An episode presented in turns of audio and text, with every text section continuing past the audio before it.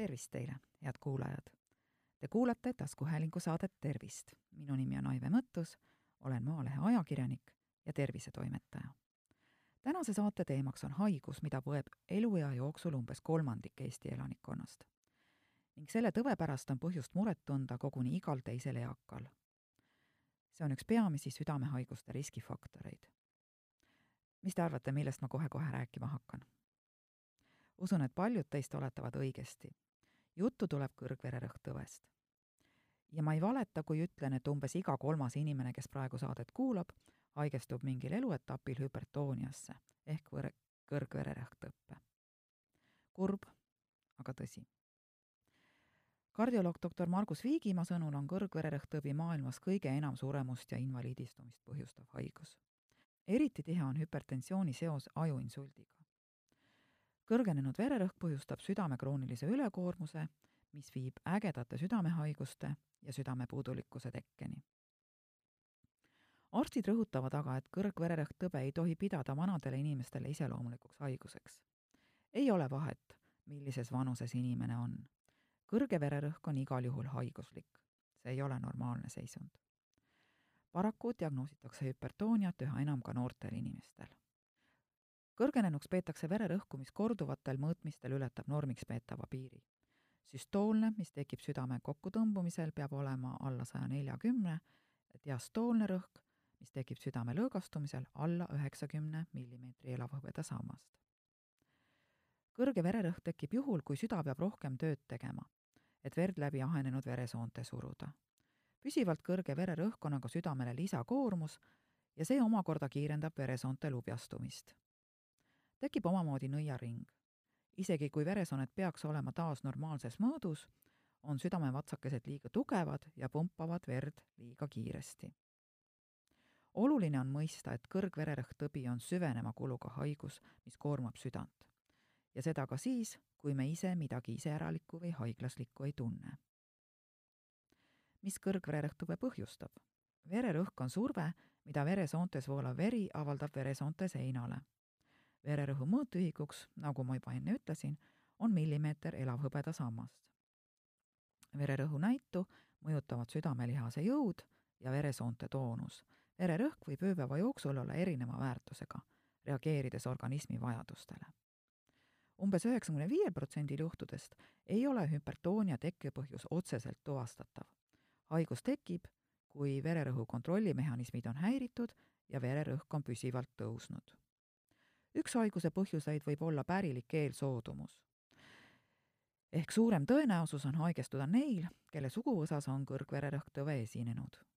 sellisel juhul ei saa inimene ise kuigi palju haiguse takistamisele kaasa aidata.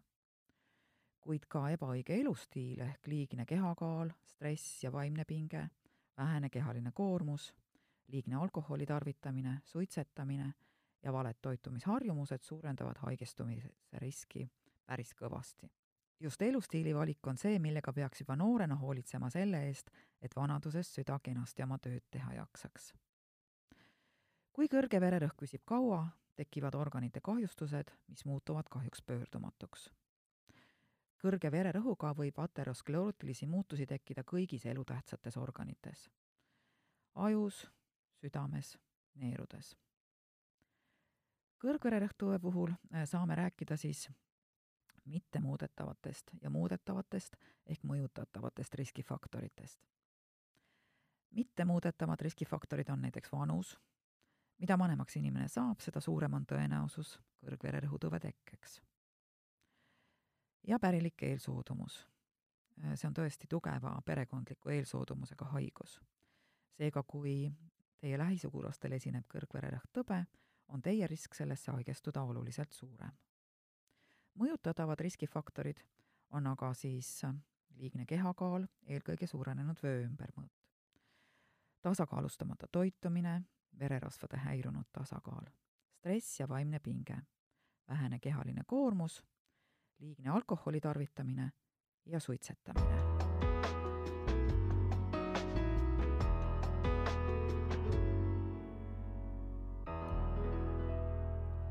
kurb tõsiasi on see, et umbes kolmandik tegelikult hüpertooniat põdevatest inimestest ei tea, et neil on kõrgenenud vererõhk. hea enesetunne ei välista kõrgvererõhktõve olemasolu. millised on siis selle haiguse sümptomid? kõrgenenud vererõhust võivad anda märku peavalud ja pearinglus, väsimus, närvilisus, ninaverejooksud, raskustunne rinnus ja südame kloppimine. tõsisemad sümptomid avalduvad sageli aga alles tüsistuste tekkimisel. Näiteks võib inimene märgata nägemise halvenemist, töövõime langust ja unetust. kuidas kõrgvererõhktõbe diagnoositakse? hüpertoonia diagnoosimine algab vererõhu mõõtmisest. kui ühe arstivisiidi jooksul teostatud kahel järjestikusel mõõtmisel saadakse vererõhu väärtuseks sada nelikümmend, üheksakümmend millimeetrit elavhõbedasammast või rohkem, siis on alust kahtlustada hüpertooniat. ja diagnoosi kinnitamiseks tehakse siiski veel kahekümne nelja tunnile monitooring selleks on olemas arstidel vastav aparaat, mida nimetatakse Holteri aparaadiks ja mis paigaldatakse inimesele keha külge terveks ööpäevaks ning aparaat siis teostab ise automaatselt vajaminevad mõõtmised. teine variant haiguse diagnoosimiseks on vererõhupäeviku pidamine. inimene mõõdab ise kodus oma vererõhku nädala aja jooksul hommikul ja õhtul ja näitab siis tulemused arstile ette mõlema uuringu puhul on alust diagnoosida hüpertoonia tõbe, kui keskmised mõõtmistulemused ületavad sada kolmkümmend viis, kaheksakümmend viis millimeetrit elavhõbeda sammast. kodune norm on madalam kui arsti juures mõõdetav norm. noorematel inimestel tuleb mõelda ka sekundaarse hüpertoonia tõve võimaluse peale, ehk et vererõhu tõus võib olla põhjustatud teistest haigustest, mis vajavad eraldi uurimist ja ravi. kuidas kõrgvererõhktõbe ravitakse? Sõltuvalt vererõhu väärtustest ja kaasnevast äh, südame-veresoonkonna haiguste riskist on ravistrateegiad erinevad. madala riskiga isikutel, kellel on esimese astme hüpertoonia tõbi ehk vererõhk jääb alla saja kuuekümne, saja millimeetri elavhõbedasamba arsti juures või kodusel mõõtmisel alla saja viiekümne, üheksakümne viie, võib piisata elustiili muutmisest, mis tähendab vajadusel kehakaalu langetamist, füüsilise aktiivsuse suurendamist ja soolatarbimise vähendamist Neil aga, kellel vererõhk jääb eelpool mainitust kõrgemaks või on suurenenud südame-veresoonkonna haiguste risk, on siiski vaja lisaks elustiili muutustele ka vererõhku alandavat tablettravi. kõrgvererõhktõbi on enamasti eluaegne haigus, mida kahjuks ei saa välja ravida. seega tuleb võtta vererõhku alandavaid ravimeid vastavalt arsti ettekirjutusele järjepidevalt terve elu vererõhu kontrolli all hoidmine aitab ära hoida veresoonte seisundi halvenemist ning sellest tulenevaid tüsistusi. millised on kõrgvererõhktõve võimalikud tüsistused? tüsistused on tegelikult kerged tekkima eelkõige siis, kui ravimeid ei võeta. ja nendeks on südame puudulikkus, südame iseemiatõbi, silmapõhjade muutused ning nägemise halvenemine, samuti neerukahjustuse teke, raskemastel juhtudel aga ka ajuinsult ja südameinfarkt nüüd aga mõned teada-tuntud, kuid ikkagi ununema kippuvad vererõhu kontrolli all hoidmise nõuanded. hoia kehakaal normis regulaarse liikumise ja tervisliku toitumisega. korrapärane kehaline koormus langetab oluliselt vererõhku, ergutab ainevahetust, tõstab hea kolesterooli taset ning kaitseb südant ja veresooni. paraneb ka stressitaluvus.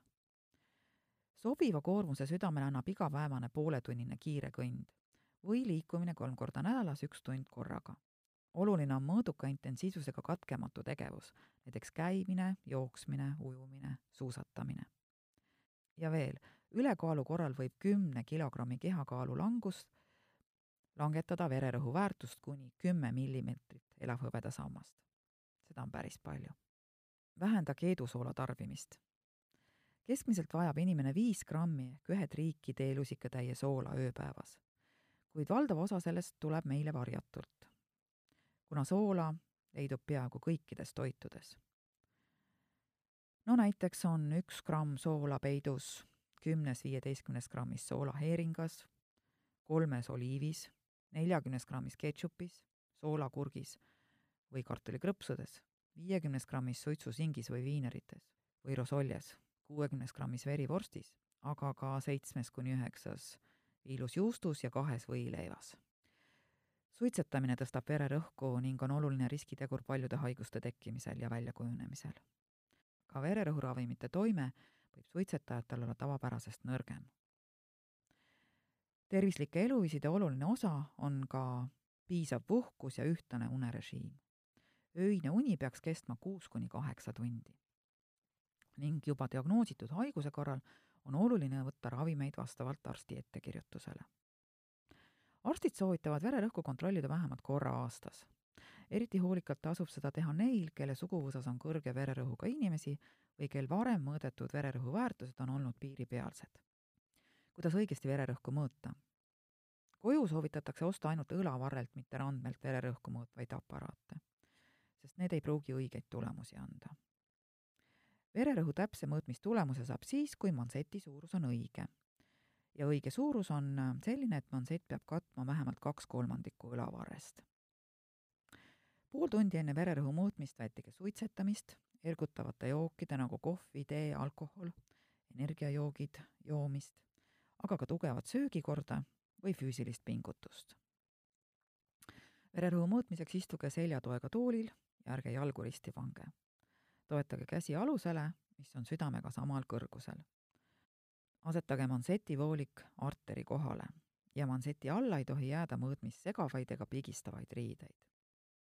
istuge enne vererõhu mõõtmist kümme-viisteist minutit rahulikult ja tehke iga kord kaks-kolm mõõtmist paariminutiliste vaheaegadega, et vältida võimalikke mõõtmisvigu.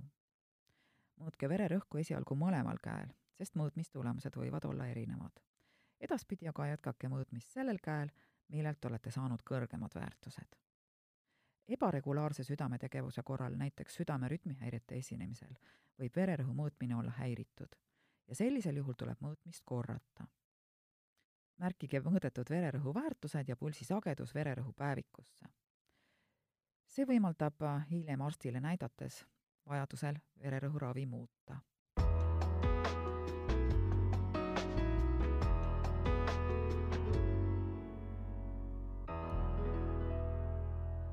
Vererõhuga seoses on ringlemas ka rida müüte, millel tegelikult tõepõhja all ei ole. hiljuti avaldas Äripäeva väljaanne virtuaalkliinik.ee artikli, milles perearst Diana Ingerainen need müüdid ümber lükkab. ja hakkame siis otsast vaatama, millised need müüdid on. esimene on see, et kõrgvererõhktõbi on eakate haigus. nii see siiski pole, sest haigust põeb iga kolmas Eesti inimene ning nende hulgas on ka palju noori ja keskealisi. Sestap tasub aeg-ajalt vererõhku kontrollida lasta, sest osad inimesed elavad kõrgenenud vererõhuga enese teadmata ja panevad ennast sellega ilma ravita suurde ohtu. teine müüt on see, et kõrgvererõhku põhjustab kohvi joomine. no kaks-kolm tassi kohvi päevas on tervele inimesele täiesti ohutu. iseasi, kui on juba tõsine haigus, siis tasub kohvi tagasihoidlikumalt tarbida. kui aga kohvi asemel öelda alkohol, siis on ülaltoodud väide tõene, sest alkohol tõepoolest kergitab vererõhku ja pole seetõttu ohtlik pelgalt maksale, vaid ka südamele ja teistele organitele alkoholi ohupiiri ei määrata mitte enesetunde järgi, vaid see on teaduslikult täpselt välja arvutatud. naised ei tohiks tarbida päevas üle kahe ühiku ja mehed üle nelja ühiku alkoholi. kusjuures mõlemale kehtib reegel, et nädalas peab olema vähemalt kolm täiesti alkoholivaba päeva. Sageli arvatakse, et kõrge vererõhk on geneetiline ehk paratamatu tõesti, iga inimene sünnib geneetilise pagasiga, milles leidub nii häid kui halbu kombinatsioone. geneetiline eeldus aga ei tähenda paratamatut haigestumist, sest geenidest suurem roll on elustiilil. ja muide, kehvapoolsed inimsuhted ning üksildus soosivad terviseriskide kasvamist ja selles ei saa küll halbu geene süüdistada. Mõeldakse, et kõrgvererõhktõbi on naiste haigus.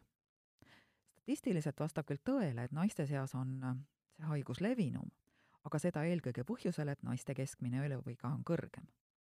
tõenäosus haigestuda on meestel naistega sarnane. järgmine müüt on see, et alkohol ja vererõhurohud ei sobi kokku. no see on küll täiesti vale ja võib tekitada tervisele suure karuteene, kui te seda müüti tõeseks peate. Alkohol tegelikult, nagu ma just äsja ütlesin, tõstab vererõhku ja kui selle juures jätta ka rohud võtmata, võivad tekkida tõsised tüsistused ja loomulikult ei tohiks kõrgvererõhktõvega inimesed üldse suures koguses alkoholi tarbida. on veel üks müüt, mis ütleb, et kõrge vererõhu ja suure kehakaaluga ei tohi trenni teha. ka see ei ole tõsi, sest mõõdukas igapäevane liikumine alandab vererõhku. iga inimene saab ja peab liikuma, isegi voodihaiged võimlevad. Loomulikult ei tohiks kõrgenenud vererõhuga teha tippsporti, aga see pole ka see, millest arstid räägivad, kui ütlevad, et trenni tuleb teha. ujumine, kepikõnd, jalgrattasõit, suusatamine omas tempos on kõik sobilikud nii neile, kel on kehakaal kõrge, kui ka neile, kel on vererõhk kõrge. mõõdupuuks trenni ajal on rääkimine, ehk kui te saate kaaslasega jutustada, pole koormus liiga suur. Sageli arvatakse, et kõrgenenud vererõhku saab alla ainult ravimitega. kuigi kõiki arsti välja kirjutatud ravimeid peab tarvitama nii, nagu ette nähtud, ei tähenda see, et vererõhku saaks kontrollida üksnes ravimitega suur abi on ka elustiili muutustest. sageli mõeldakse, et kõrgvererõhktõbi tekib ootamatult. infarkt ja insult võivad olla ootamatud, aga hüpertooniatõbi tuleb hiilimisi aastate jooksul. nii nagu keegi ei lähe üleöö paksuks, ei haigestuta üleöö ka kõrgvererõhktõppe. inimestel, kellel on haigestumiseks suuremad eeldused, tuleb riskitegurid kaardistada ja nendega süsteemselt tööd teha et siis haigus võimalikult kaugesse tulevikku edasi lükata või sootuks ennetada. kõrge vererõhk ei ole paratamatus. väga vahvasti on selle kohta öelnud üks Läänemaal Paliveres elav pensioniealine naine. Minuvanused autod on kõik juba romulas, aga mina söön, joon ja vaidlen vastu ka, kui vaja. järelikult on võimalik ka kõrgvererõhutõvega elada. muidugi ei ole vanadus ja üha nõrgemaks jäänud keha lihtne väljakutse, aga ma leian, et elu on seda kergem, mida enam ise positiivseid asju tähele paned. jalg valutab, aga käsi ei valuta ja juba ongi hästi. head kuulajad, te kuulasite taskuhäälingu saadet Tervist. Saate leiate Delfi podcastide pesast tasku, nutirakenduste Spotify, Apple Podcasts, SoundCloud ja teised. hakake jälgijaks ja kuulake just teile sobival ajal. ettepanekuid teemade kohta, mida saates käsitleda, ootan e-posti teile aadressil tervist.maaleht.ee. minu nimi on Aive Mõttus, olen Maalehe ajakirjanik ja tervisetoimetaja. tervist teile!